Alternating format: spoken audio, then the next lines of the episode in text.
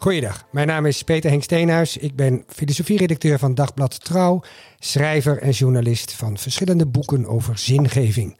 Vandaag spreek ik Michiel de Haan. Hij is CEO van het plantenexporteurbedrijf Royal Lemkes. Royal Lemkes is een familiebedrijf van meer dan 135 jaar oud met een groen hart. Ze hopen een mooiere wereld te maken met planten, onder meer bij grote retailers die ze bedienen, zoals IKEA, Aldi en Praxis. Hun duurzame imago is, zo denken wij, geen window dressing. Het bedrijf heeft namelijk een aantal sterke beliefs, uitgangspunten. Zo zijn ze ervan overtuigd dat ze business as a force for good maken, dat mensen het verschil maken. Het leverde het bedrijf de prijs op voor de beste werkgever 2019-2020. Michiel, fijn dat je er bent. Ja, leuk om er te zijn. Wij gaan het hebben over zingeving, maar ik zou graag willen beginnen met iets persoonlijks. Wat is voor jou persoonlijk zingeving? Ja, dat is dingen doen die zin geven, maar die is waarschijnlijk een beetje te makkelijk. Uh, wat ik daarmee bedoel, is dat ik denk dat, het, dat je dan dingen doet die bijdragen aan een groter geheel. En dat kan dus zijn dat hè, als je werkt in een bedrijf zoals ik, dat het helpt de doelstelling van een bedrijf te realiseren, waarbij ik het dan zelf wel mooi zou vinden als het doel van dat bedrijf er ook toe leidt het zinnig is. En zinnig bedoel ik dus niet maximalisatie van winst, maar dat je impact probeert te maken op, uh, op mens en milieu. Dus dat zijn eigenlijk voor mij, als je het hebt over werkgeverszinvolheid of zingevingschap, gaat het over ja, wat doe je als bedrijf? Jij noemde al, wij willen een force for good zijn. Ja, wat doe je daarvoor als bedrijf? En als persoon, wat, wat doet jouw werk dan voor zinvols? Ja, nou heb je het over het werk gelijk. Daar gaan we natuurlijk ja. vier vijfde over hebben van het gesprek. Ja. Even nog voor jezelf als persoon in jouw gewone leven. Speelt zingeving ja, daar ook een rol? Ja, maar Henk, mijn, mijn gewone leven en mijn werkleven, dat is voor mij betreft, ik ben geen twee personen, ik ben één persoon. Ja. En wat ik in mijn privéleven wil, is uh, uh, aardig zijn voor mensen en proberen een bijdrage te leveren aan, aan duurzaamheid. En dat is in mijn werk niet heel anders. Dat zou ook heel gek zijn, uh, ja. dat ik twee, twee personen ben. Ik ben één persoon en ik wil graag een positieve bijdrage leveren aan mensen. En ik wil een positieve bijdrage leveren aan, aan, aan de verduurzaming. Dat doe ik in mijn privéleven en dat doe ik in mijn zakelijke leven. Ja. Heb jij dat altijd al gedaan? Of is dat in de loop van je carrière belangrijker geworden? Nou, ik, heb, ik, ik, ik kom uit een, uit een protestant nest, dus ik heb het wel een beetje meegekregen. En ook tijdens mijn studieperiode eh, was ik met amnesty en, en, en duurzaamheid en dat soort thema's bezig. Mijn grote doorbraak uh, in bewustzijn is eigenlijk bij Al Gore gekomen in 2006. Toen hij zijn klimaatfilm en Inconvenient Truth presenteerde, waar ik uh, nogal, uh, nogal hard bij zat te janken. En dat was echt wel een soort wake-up call voor mij, om ook in mijn professionele leven daar veel meer mee bezig te zijn. En daarna ben ik nog gestimuleerd, ook doordat ik, uh, ooit was ik directeur van Dirk van den Broek, en toen heb ik mijn, mijn directieteam meegenomen naar een training van de Seven Habits van Stephen Covey. En daar werd namelijk stilgestaan bij je persoonlijk missiestatement. Dus wat wil jij nou bereiken? Wat wil jij nou realiseren? Nou, dat zijn echt, daar, daar kwamen echt de zingevingsvragen. Wat is jouw, wat wil je bijdragen? Nou, en toen ben ik me daar heel bewust van geworden. Dat als je daar heel goed over nadenkt, wat jij wil bijdragen. Ja, dat dat niet alleen maar over privé gaat, maar zeker ook over, over werk. En ik had toen al de mazzel dat ik leidinggevende functie had. Dus ja, dan kan je nog meer impact maken. Maar dan heb je ook wat mij betreft nog meer verantwoordelijkheid om dat uh, op te pakken. En je zegt, hè, toen ben ik erover gaan nadenken, toen werd het nog belangrijker. Ben je toen op een stoel gaan zitten nadenken, als Winnie de Pooh, denk, denk, denk, bij gesprekken gaan voeren. Hoe heeft zich dat vormgegeven? Dus die, die film Inconvenient Truth, dat was een wake-up call voor mij. Dat ik dacht van, hé, hey, uh, we hebben een probleem als samenleving, als aarde, hè, met, met klimaatverandering. Ik geloof dat we daar nu allemaal wel een beetje op wakker zijn. Maar vijftien jaar geleden was dat nog wat minder, werd dat nog wat minder urgent gevoeld. En ik dacht, ja, shit, ik ben directeur van een bedrijf wat elektronica producten verkoopt. Dus ik ben onderdeel van het probleem. Het gave van onderdeel zijn van het probleem is dat je ook onderdeel bent van de oplossing. Dus toen dacht ik, wauw, wij kunnen hier wat mee. Want wij kunnen natuurlijk zelf proberen onze eigen bedrijfsvoering te verduurzamen. Wij kunnen ervoor zorgen dat we onze leveranciers vragen om hierop mee te acteren. Wij kunnen ervoor zorgen dat wij onze consumenten, miljoenen per jaar, proberen energiezuinige apparaten te geven, te, kopen, te verkopen en tips te geven hoe ze die zuinig kunnen gebruiken. Dus ja, wij kunnen gewoon als bedrijf kunnen we het verschil maken. En, en dat, is, dat, is, dat is groot geworden, een beetje oude doosverhaal, dus laat ik daar niet op ingaan. Dus dat was een soort moment van, ja, ga je dan zitten? Nee, dat komt gewoon binnen. Je, je voelt het. Je, je voelt het in je ziel, zeg ik dan. Ik heb toen ook mijn, ik heb Tuschinski afgehuurd, letterlijk. En ik heb al mijn collega's meegenomen naar de film. En gelukkig was ik niet de enige die het voelde, want voor mij moet je het ook wel een beetje voelen. En toen gedacht, oké jongens, dan gaan we er ook actie op ondernemen. Je hebt ze meegenomen naar de film van El Gore. Ja. Oh, oké, ja. precies. Ja. Oké, ja. en actie ondernemen betekent dus ook niet alleen jij actie ondernemen. Nee, nee, nee. Ja, ik, ik, ik weet nog wel dat ik na, dat ik zelf, ik was bij die première van, van die film van El Gore. En El Gore was daar ook zelf. En ik kwam de volgende dag echt, nou, echt geraakt op kantoor. En ik heb twee directiecollega collega's sprak ik aan. Ik zei, jongens, hier moeten we wat mee. En ik zag hun echt een beetje wazig kijken. Ik denk van, ja, die De Haan, die heeft weer uh, die heeft zitten, zitten smoken of zo, weet je wel. um, en dus toen dacht ik, ja, zo werkt het natuurlijk, jongens. Je moet het eerst voelen. Dus vandaar dat ik gewoon in het hele land kaartje heb gekocht en Tuschinski heb afgekocht. Ik denk, ja, die, iedereen moet het voelen. En het kan niet zijn dat je het niet voelt. Nou, dat is niet helemaal waar natuurlijk, want iedereen reageert daar toch we zijn allemaal anders gebakken, dus iedereen reageert daar niet per se hetzelfde op. Maar gelukkig mijn collega, toen algemeen directeur, eh, die voelde het ook. En dan kun je aan de gang. En gelukkig voelden heel veel mensen het in het bedrijf. En, dan, en toen zijn we bottom-up ook, hebben alle acties ondernomen. Dus we hebben mensen ook meegevraagd, uh, gevraagd om mee te om, om er iets aan te doen. En dat is cool. En wat is dan gaaf, hè, als je dan ook ziet wat er dan gebeurt met, met dus het hebt over, hè, mensen voelen dan ook dat het gaaf is om bij dat bedrijf te werken. En dat het gaaf is om te proberen iets goeds te doen. Want ieder mens, in mijn optiek, wil iets goeds doen. En het is natuurlijk gaaf als je dat ook op je werk mag doen. En niet alleen maar, hè, daarom die, die vraag van jou net, ja, privé en werk. Ja, jongens, laten we alsjeblieft hopen dat we. Ik zeg altijd, als je bij je kantoor komt, of bij je loods, of bij je winkel, gooi dan niet je hart en je ziel in de prullenbak. Neem die ook mee. Wees gewoon mens zoals je bent, met je kwetsbaarheden, met je liefde, met je passie. En deel dat ook met je collega's, want dan ga je namelijk verbinden met elkaar als collega's, namelijk van mens tot mens, in plaats van van collega tot collega. Nou, dat, dat is wat ik uh, eigenlijk probeer te doen in, in de rollen die ik dan mag, mag vervullen. Uh, en dat is hartstikke gaaf. Mag ik daar een paar praktische vragen over stellen? Zeker. Ik wil straks even van collega naar collega en ook het leiden en het liefhebben in het bedrijf of buiten. Maar even terug naar die acties die je bottom-up maakte voor het milieu. Kun je daar een paar voorbeelden van noemen? Nou, wat heel gaaf was, ik vroeg gewoon mensen, hè, mensen gaan eens nadenken over wat jij zelf kan doen. Nou, een, heel, ik vergeet nooit meer dat er een winkel was die zei, nou, wij gaan twee keer in de week met de fiets naar het werk. En een andere winkel zei, weet je wat, normaal zetten wij de tv's aan als we komen om acht uur, die verbruikt natuurlijk stroom. Nou, dat doen we nu pas om twee voor negen. Uh, gewoon die hele praktische, uh, praktische zaken. En daarnaast gingen we energieverbruik op apparaten zetten. Eh, zodat de, consument heel bewuste keuzes kon maken. Dat deden we dan met Milieu Centraal. En we maakten flyers waarin we uitlegden wat het. Hè, dus folders in plaats van uh, product met een, met een afprijzing. Dat deden we natuurlijk ook. Maar we, we, maakten ook gewoon flyers, hè, huis aan huis. Waarin we zeiden: dit is het klimaatprobleem. En dit zijn de tips wat jij kan doen als consument. om minder energie te verbruiken. En dus minder CO2 uit te stoten. Dus ja, dat, is een, dat, dat, dat, dat, dat liep waanzinnig uit de hand. Dat was echt prachtig. En jij zegt net, het is gaaf om als werknemer daar onderdeel van uit te maken. Ja, natuurlijk. Wat wij merkten, we waren toen een beetje groeiende keten. Wat wij merkten is dat de medewerkersbetrokkenheid ging echt omhoog. En de trots op het bedrijf. En we werden ook veel aantrekkelijker als werkgever. En eigenlijk heb ik dat nu bij, bij, bij Roy Lemkes ook. Hè. Mensen zijn super trots hè, dat het bij ons niet gaat over winstmaximalisatie. Maar dat we met name het verschil willen maken voor, voor mensen. En dat we willen proberen het bedrijf en de sector te verduurzamen. Ja, mensen geven daar graag energie van. En dat kan ook dat je dat niet hebt. Maar ja, dan voel je al snel niet op, op je plek. Zou je dat uh, zingeving kunnen noemen? Wat ja, dat, dat, in mijn optiek is dat dus zingeving. Kijk, dat je dus als bedrijf zin geeft. En dat je dus het verschil probeert te maken voor mensen. En voor de, hè, de aarde waarop wij mogen wonen. Ja, dat is zingeving. En als jij werkt in een bedrijf, dat je dus bijdraagt aan de doelstellingen van het bedrijf. En in ons geval is dat dus niet alleen klanten blij maken, maar met name ervoor zorgen dat mensen zich ontwikkelen. Hè, dat we een goede werkgever zijn. Dat onze relaties ook een goed hè, een, een, een, een boterham mogen verdienen, ook onze leveranciers. En dat we ook proberen om zeg maar een voorbeeld te zijn qua verduurzaming in de sector.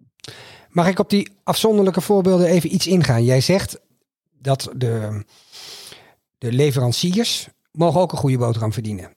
Oftewel, je probeert ze niet uit te knijpen, als ik dat zo nou ja, dat moet. Hè. Dus ook, kijk, het woord duurzaamheid heeft natuurlijk meerdere betekenis. Een daarvan is, is dat dingen bestendig zijn op de lange termijn. En ik geloof dat het vrij belangrijk is dat jouw leveranciers, die onderdeel zijn van jouw succes, want je maakt natuurlijk nooit alleen het succes, jouw, jouw leveranciers zijn mede verantwoordelijk voor het succes bij jouw klanten. Ja, die moeten natuurlijk structureel geld verdienen. Want anders houdt het op. Ja. Ik geloof niet dat er bedrijven zijn die daar anders over kunnen denken. Toch? Dan is het korte termijn denken. Als je, als je je leveranciers uitmelkt. En dat is best lastig, hè? want weet je, ook wij moeten onderhandelen. Want wij werken met grote retailers en die zijn ook, die zijn ook niet allemaal een mild, zeg maar. Dus dat is best, daar zit best spanning op. Hè? Dus dat is, best een, dat is best een klus voor onze mensen. En je eigen mensen, hoe zorg je ervoor dat je die bij het bedrijf houdt? Volgens mij had je het net over opleidingen.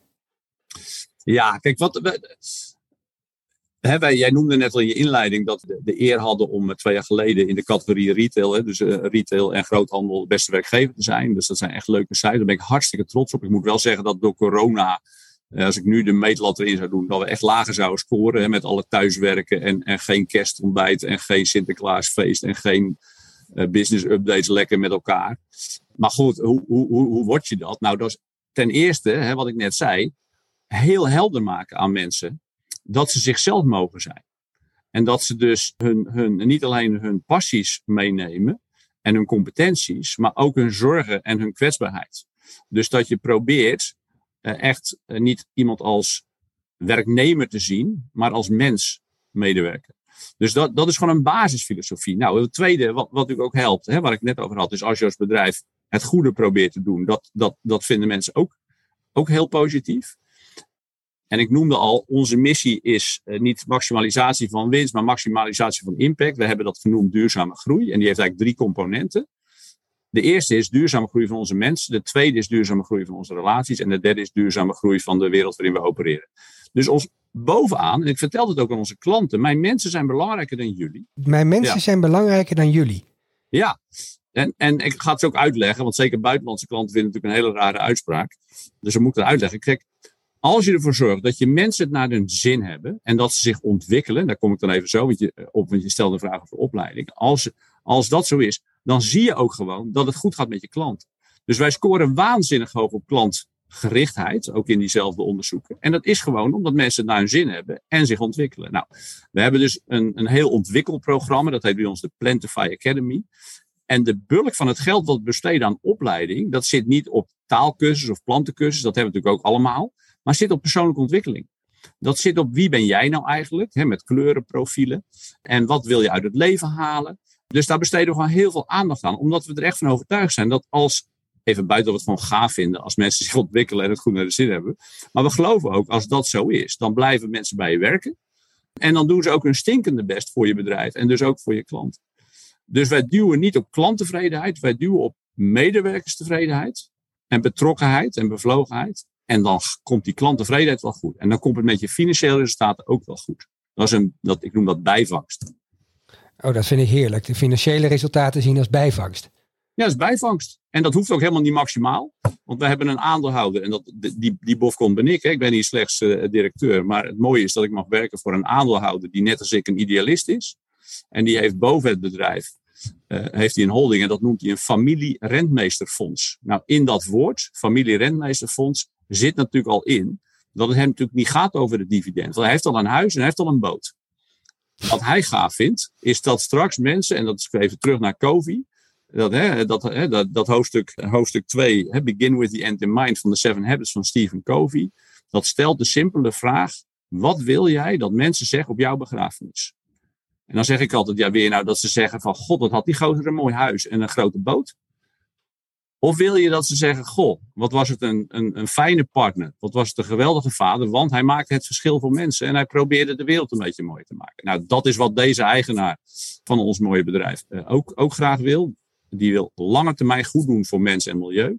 Nou, en dan ben ik de bofkont dat ik daar mag werken en daar een beetje invulling aan mag geven. Dus dat noem ik, dat noem ik een aandeelhouder met een zingevingsperspectief. Ja, prachtig. En ik hoor aan jou dat dat bij jou wel snor zit. Hoe zit het met alle managers daaronder? Delen die dat ook? Worden ze daarop aangenomen? Ja, kijk, je cultural fit is een hele belangrijke. is misschien wel het belangrijkste aspect van aannamebeleid. Hè? Dat mensen passen bij je bedrijf. Dus als mensen, we zijn heel expliciet in wie we zijn en waar we voor staan en waar we naar streven. Dus mensen die daar niet bij passen, die gaan niet bij ons solliciteren. En wij merken snel genoeg in sollicitatiegesprekken dat ze, dat ze niet bij ons passen. Dan heb je ook nog heel veel mensen die hier al waren. En, en we zijn wel sinds mijn komst wat explicieter hierin geworden. En daar zijn dus ook mensen op afgehaakt. Maar het goede nieuws is, is dat, zoals je weet, Rutger Brechtman schreef mooi, de meeste mensen deugen. Alleen ons systeem houdt soms tegen dat mensen ook daarnaar acteren. Maar ik geloof echt dat 90% van de mensen, misschien wel hoger, ja, dat die appelleren aan zingeving. En dat die appelleren aan een bedrijf hè, die het het beste voor uh, heeft. Dus zijn ze dan net zo friekerig als ik? Nou, niet allemaal, sommigen nog een beetje meer. Maar je, je ziet natuurlijk wel dat de zaadjes die je ook in je bedrijf op dit thema plant, ja, dat die natuurlijk ook wel hun werk doen. Hè? Dus ook in mijn directieteam. Vijf jaar geleden, als ik een willekeurig directielid, die ik dan in mijn hoofd heb, zou vragen, die zou zeggen, joh, waar gaat dit nou precies over? We moeten toch zoveel mogelijk geld verdienen? Ja, en nu zie ik helemaal opbloeien. En denk, wauw, wat is dat gaaf. En die is nu helemaal in de duurzaamheid. En het is ook wel, ik moet zeggen, het is ook wel, het hoort bij ons bedrijf. En, en als je daar niet bij past, dan, dan, dan, dan, dan ga je weg. Maar de meeste mensen vinden het fijn om erbij te passen. Mooi. Net maakte je wel een kanttekening. En dat was COVID. COVID heeft jullie teruggeworpen. Ja, ja, ja, ja. Dus waar wij heel erg trots op waren, is dat ons, ons bedrijf bruiste. Uh, veel energie en veel verbinding. En, en wat je natuurlijk, ja, op een gegeven moment moesten we thuis gaan werken. Dat is voor de verbinding best wel ingewikkeld. Wij waren altijd heel trots dat we elke maand alle personeel bij elkaar. Dan ging ik op de zeepkist staan. En niet alleen ik gelukkig, maar veel mensen gingen vertellen hoe het ging. En, en, we, en we hadden natuurlijk onze trainingen deden we lekker met elkaar in de zaal. En we hadden, ik, ik organiseerde lunches om over strategie of andere dingen te spraken. En we aten, we hebben een hele gezellige keuken. Hè, wat niet een keuken is, maar een ontmoetingsplek. En nou ja, we, we organiseerden prachtige kerstontbijten. We hadden mooie Sinterklaasfeesten. Dus al die, laten we zeggen, om echt een lekkere sfeer en energie te hebben, heb je natuurlijk de fysieke ontmoeting nodig. Ja, dat was even minder. Dus dat merk je dan ook. Hè? En, en, en ons jaarthema van dit jaar is dan ook energie en verbinding. Om daar nog extra energie op te besteden. En dat vraagt ook dat je als manager ook gewoon je mensen gaat bellen. Of lekker gaat teams en gewoon gaat praten. Hoe gaat het met jou thuis? En dat we digitale dingen organiseren. Maar ook dat we een groot vitaliteitsbeleid hebben gelanceerd. Met een sportvereniging Lemkes. En een, en een jong Lemkes. Dus we, we, gewoon, ja, we moeten harder werken zeg maar, om hetzelfde energie- en verbindingsniveau te realiseren. Jij noemt net sport en het fysieke. Dat heeft dus ook met zingeving te maken. Nou, kijk, ik denk dat, dat, dat vitaliteit, hè, dus je fit voelen, dat, dat, dat we dat ook belangrijk vinden. Omdat we denken dat als mensen eh, fit in het lichaam zitten, hè, in een gezond lichaam, daar past een gezonde geest. Met andere woorden, geluk is ook afhankelijk van, van hoe het fysiek met jou gaat. En sommige mensen hebben een beetje hulp daarbij nodig. Dus dat vinden we ook leuk om, om te geven. We zijn ook bezig met een gezondheidsonderzoek. En we hebben ja, ook uh, ja, echt een, hele gave vitaliteitsactiviteiten. Dus dat vinden we mooi. En we denken ook dat we dan stiekem daar ook nog weer van profiteren. Want we geloven er ook nog in dat als mensen gezond zijn. En eh, ja, dat ze ook productiever zijn. Ja, mooi. Zijn er ook mensen die juist bij jullie komen solliciteren nu vanwege jullie uitstraling op dit gebied? Zeker, zeker, zeker. Kijk, de arbeidsmarkt is denk ik heel ingewikkeld. Hè, voor ons allemaal. En, en ook voor ons is het, het verlopen, ook wel door, door corona, met name bij nieuwe mensen, is hoger dan gewend waren. Het was ook ontzettend laag. Maar we merken echt dat we al de attractiviteit op de arbeidsmarkt is, is om twee redenen, denk ik, hoog. Is omdat, denk ik, gelukkig steeds meer, zeker de jongere generatie, ook bij bedrijven willen werken. Hè, waar, het meer, waar het gaat om meer dan alleen maar winst maken. Um, ja, en we hebben natuurlijk ook. Het helpt ook wel als je zo'n embleem beste werkgever hebt. En als je ook gewoon kan lezen wat er allemaal gebeurt aan opleidingen, ontwikkeling, vitaliteit en dergelijke. Dat je denkt, nou, bij zo'n club eh, wil ik wel werken. En dan verkopen we ook nog planten, Henk. Dat is het mooiste product wat je kan bedenken. Toch? Ik heb in mijn hele leven in heel veel categorieën gezeten, maar ik heb nog nooit zo'n prachtig product verkocht als planten. Ja, want ik heb begrepen dat als je planten in een ruimte zet, dat mensen er al veel gelukkiger van worden. Absoluut. Er zijn mooie onderzoeken over, over wat het doet met, met, nou ja, ook sowieso luchtkwaliteit. Maar dat is wat dan wordt soms wat overtrokken, maar zeker ook met de psychische belevingen. Er zijn onderzoeken op kanker, uh, chemie, chemotherapie in een, in een ziekenhuisomgeving, in een plantomgeving. Herstel was significant beter in een groene omgeving. En dat geldt ook voor concentratie op scholen. Hè. Dus we zijn nu ook bezig met IVN om binnenbossen te creëren. Ja, we hebben gewoon veel meer groen om ons heen uh, nodig. Dat past bij ons mens zijn. we zijn natuurlijk uh, heel erg stedelijk geworden, heel erg veel binnen. En, en ja, je, er is gewoon heel veel bewijs voor, eh, wetenschappelijk, dat dat groen om je heen, dat dat een mens goed doet.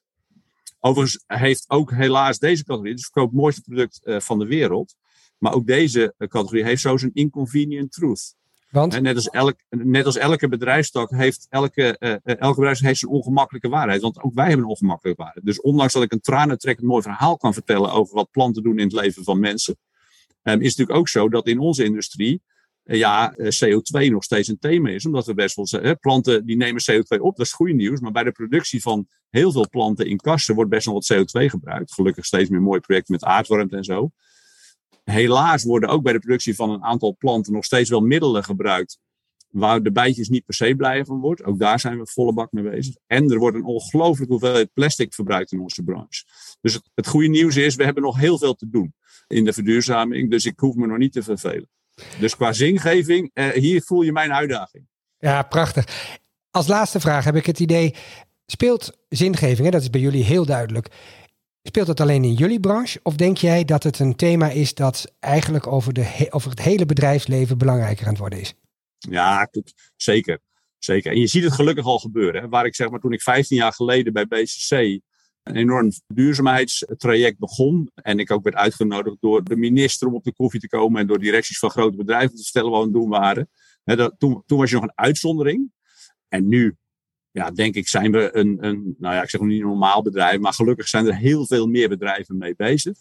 Uh, dus dat is mooi. En het is natuurlijk ook ongelooflijk nodig, Want als je kijkt naar de problematiek die wij als, als wereld hebben, hè, uh, met betrekking tot klimaatverandering en biodiversiteitsverlies, uh, is ook mega. Als je kijkt naar de, de, de verschillen tussen arm en rijk die steeds groter worden, ja, dat is natuurlijk volstrekt niet houdbaar. En dat kunnen we niet alleen aan de consumenten en, en, en aan de overheid uh, overlaten. Nee, sterker nog, uh, ik denk dat wij als bedrijfsleven daar uitermate voor geschikt zijn om daar iets aan te doen. En gelukkig hebben we prachtige voorbeelden. Ik moet je zeggen, ik ben zelf een groot fan van familiebedrijven, omdat ik denk dat het daar het makkelijkst kan, omdat die vaak op lange termijn denken, hè, vanuit volgende generaties. In die zin heb ik een grote hekel aan wat ik noem anoniem geld. Hè. Dus op het moment dat geld anoniem wordt, zoals bij beursgenoteerd, en ook wel deels een deel van het private equity, ja, dan heb je toch een groter risico, omdat dan de kwartaalcijfers toch belangrijker zijn. Gelukkig zie je ook daar best wel verandering ontstaan. Een groot voorbeeld voor mij is Paul Polman, van ex-CEO van Unilever. Hij heeft een prachtig boek net uitgebracht, Net Positive. Um, helemaal gekoppeld aan onze droom als Lemkes, dat wij ook in 2030 alleen nog maar een positieve impact willen hebben van, vanuit onze planten. Maar, en dat boek is dan bijvoorbeeld ook verplichte kost voor mijn directieleden. En, en daar geven we ook gewoon les uit hè, binnen Lemkes over dat boek uh, net positief. Maar je ziet dus dat zelfs bij een beursgenoteerd bedrijf als Unilever het verschil gemaakt kan worden. Fijke Siebersma met DSM idem dito. En wat je gelukkig ook ziet, is dat het anonieme geld minder anoniem wordt door pensioenfondsen en dergelijke. En ook grote investeerders nu ook begrijpen dat aan geld hangt verantwoordelijkheid. Dus de nood is hoog, dus het moet gebeuren. En er is een wake-up gaande. Um, dat het bedrijfsleven daar een rol te spelen heeft. En wat natuurlijk ook gaaf is, is dat gelukkig ook jongere generaties, om wiens toekomst het gaat, ook zeggen: ja, maar ik wil dus niet werken bij bedrijven waar dat niet belangrijk is. Ik wil werken bij bedrijven. Dus die, die het verschil willen maken. Dus je ziet ook dat als je het hebt over talent. Ja, eh, als jij talent wil hebben, ja, dan zul je wel uh, zingeving moeten toepassen in je, in, je, in je bedrijf. Dus ik ben uh, niet heel, ik ben een optimist, maar ik ben niet heel erg optimistisch over de problemen die we hebben op de wereld. Maar ik ben wel optimistisch in die zin dat ik denk dat er een wake-up call aan de gang is. Dat bedrijven hier een veel actievere rol in moeten gaan nemen. En als je dat niet doet, dan houdt jouw bestaansrecht simpelweg op. Omdat je ofwel geen goede mensen meer kunt aantrekken, ofwel dat je door consumenten geboycott gaat worden. En aan de andere kant hoop ik ook oprecht dat de overheid uh, gaat zorgen dat we level playing fields hebben en veel meer door middel van hè, beprijzen van vervuiling, veel meer door regelgeving ervoor gaan zorgen dat het ook voor bedrijven uh, makkelijk gemaakt wordt om het goede te doen. Prachtig. Michiel, schitterend rond verhaal. Ik heb het idee dat, uh, dat ik hier heel veel, geleerd van, heel veel van geleerd heb, maar ook het idee, het is veel groter zingeving dan ik tot nu toe zag. Het is echt bijna een centraal thema voor de toekomst. Zeker, zeker. Hebben we nodig. Mooi. En is ook mooi, hè? Dus het, dat is het coole. Dus het is niet alleen nodig, maar het is ook ontzettend gaaf. Dat je elke keer denkt, hé, hey, ik, ik draag ergens aan bij, wat verder gaat dan centen en wat verder gaat dan mijn persoonlijke individuele belang. Wat gaat over, laten we de wereld een beetje mooier maken. voor hè, de toekomstige generaties. Ja, ik vind het leuk dat je zegt dat je, jij gebruikt veel dat woord gaaf. En dat vind ik tof, want dat zingeving heeft vaak nog een beetje een stoffig imago. Terwijl jij het dus gewoon gaaf noemt. Ja, super cool. Super cool. Beter nog, toch? Nog beter. Ja, ja, zeker niet stoffig. Gewoon super cool. En ik gaaf is, ik merk dus ook, gebruik ik het weer, sorry. Ehm, ik merk dus ook dat het appelleert aan mensen. Dat mensen zeggen, hé, hey, zo kan het dus ook. Hè? Zo kan het dus ook in een bedrijf. Het hoeft niet alleen maar te gaan over mijn dingetje doen. En proberen de aandeelhouder een beetje blij te maken. Het kan er dus ook om gaan om gewoon in verbinding met elkaar uh, bezig te zijn met ja, de dingen die ik net al zei. De wereld een beetje mooier maken voor de generaties na ons. Prachtig. Dankjewel. Um, Michiel, ik dank je heel hartelijk voor dat je mee wilde doen aan deze podcast. En um, wij spreken elkaar zeker later nog een keer weer, want ik ben benieuwd hoe het in de toekomst bij jullie gaat. En of je COVID er weer helemaal uitkrijgt en weer net zo'n mooie werkgever wordt als je was toen je de beste werkgever van Nederland werd. Dankjewel en tot de volgende keer. Graag gedaan.